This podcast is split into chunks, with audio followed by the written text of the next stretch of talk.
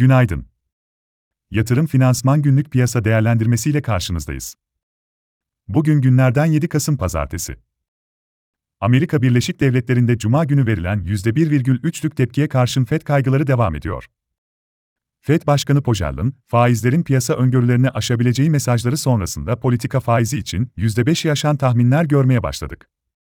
Twitter'da işten çıkarmalarında baskısıyla ABD vadelileri yeni haftaya zayıf bir başlangıç yapıyor.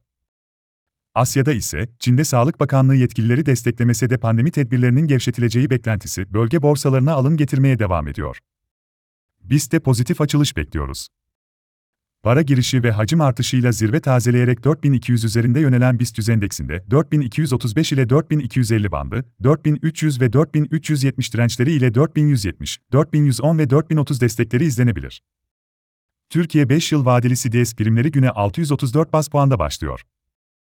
İçeride Ekim ayı hazine nakit dengesi, hazinenin 13 aylık kuponsuz ve 10 yıllık sabit kuponlu tahvil ihraçları, kabine toplantısı ve BIST kapanışı sonrasında Vakıfbank, Anadolu Grubu ve Medikal Park finansallarını takip edeceğiz. Dışarıda Almanya Eylül sanayi üretimi, inşaat PMI, Euro bölgesi sentik yatırımcı güveni takip edilecek. ABD'de veri akışı sakin, 3. çeyrek finansalları devam edecek.